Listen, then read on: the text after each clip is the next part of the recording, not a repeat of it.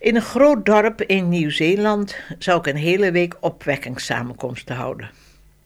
Een actieve gelovige christen had mij uitgenodigd en had het voorbereid. Ze deed dit zo kundig, zo grondig, dat het hele dorp in spanning meeleefde. Grote spandoeken waren over de straten gespannen met de woorden erop: Corrie ten Boom komt.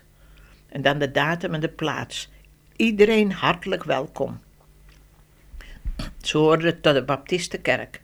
Deze groep mensen hadden nog geen kerkgebouw, maar hadden een groot huis gekocht met een grote suite. De kerkdiensten werden daar gehouden en nu besloot ze een van de andere kamers van het huis als mijn slaapkamer in te richten en een kamer als een keuken klaar te maken. Ik zal dan elke dag voor haar koken en het huis voor haar schoonhouden en voor haar zorgen, zei ze. De dokter zag haar een van die dagen en zei: U moet oppassen en rust houden, want u maakt zich veel te druk. Goed, zei ze, ik zal gaan rusten als de week met Corrie ten Boom voorbij is.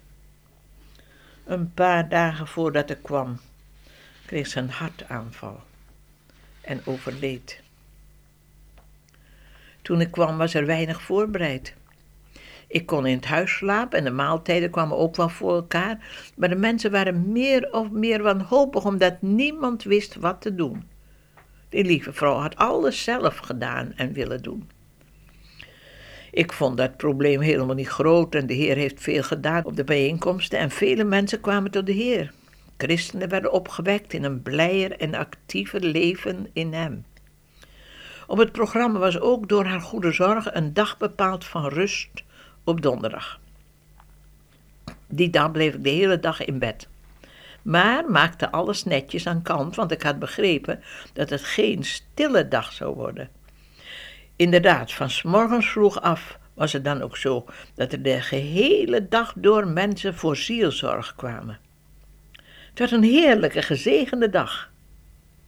Ik had rust om met de mensen te spreken. Maar om een uur of vijf dacht ik dat het wel voldoende was. Toen hoorde ik weer klop aan de deur en ik riep: Doe de deur maar open, dan de tweede deur links. Ik riep nog eens, want ik merkte dat de voetstappen niet verder kwamen. Ik ben niet ziek, kom maar binnen. De deur ging open en er stond een man in een ketelpak. Hij was een chauffeur van een vrachtauto en met grote verbaasde ogen keek hij mij aan en zei: Ik zag in de straat een spandoek en zag dat u hier was. Ik heb u enkele weken geleden gehoord, ergens in een meeting, hier een heel eind vandaan. En graag had ik u toen willen spreken, en nu zag ik dat u hier in dit dorp werkte. Ik dacht, in de Baptistenkerk zullen ze dus wel weten waar u bent, en dan vind ik u hier zelf. Dit wilde ik u vragen. Waarom is Jezus voor u een grotere werkelijkheid dan voor mij? Ik vroeg even om wijsheid. En toen gaf ik dit antwoord: Omdat u nooit uzelf aan Hem hebt overgegeven. Als u dat nu doet, zal Hij zich als een heel sterke werkelijkheid in uw leven openbaren. Toen knielde de man neer en gaf zijn leven volkomen aan Hem, naar wie hij zo'n verlangen had. In die week maakte ik me zorgen over de man van de vrouw die deze week gestorven was. Zijn verdriet was zo heel goed te begrijpen, maar ik zag zo'n wanhoop in zijn ogen, die te groot was. Ik bad, Heer, wilt u hem eens naar me toesturen, zodat ik eens rustig met hem kan praten, en gebruik me dan. Ik was dus niet verbaasd toen hij op een middag aan de deur klopte. Dit is een verhoring van mijn gebed, zei ik. Ik wilde graag met u spreken. Waarom bent u zo wanhopig? Uw verdriet kan ik me voorstellen, maar uw wanhoop is te groot, te sterk. Geef daar niet aan toe. Toen vertelde hij dat hij geestelijk zo volkomen op zijn vrouw had gesteund, dat hij alleen geen raad meer wist. Toen hebben we lang met elkaar gesproken en gebeden, de Bijbel gelezen en heeft gezien dat hij zijn verdriet moest overgeven in de handen van de Heer, die hem nu zelfstandig en sterk wilde maken door zijn grote liefde. Hij aanschouwt de moeite en verdriet, opdat we het in zijn hand leggen, staat er in Psalm 10.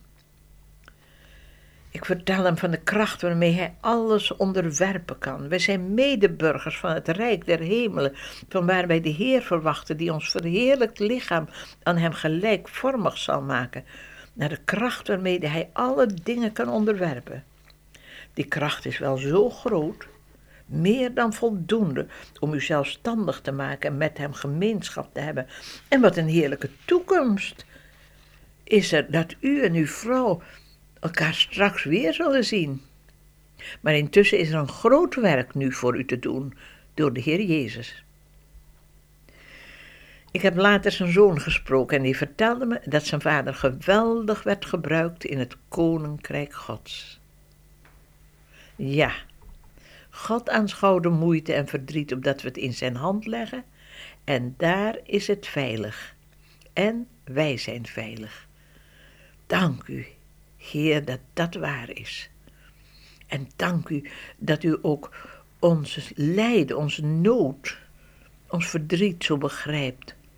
Omdat u, Heer Jezus, aan het kruis niet alleen onze zonden, maar ook onze smarten gedragen hebt. En daarom begrijpt u ons zo. Dank u voor zo'n liefde. Amen.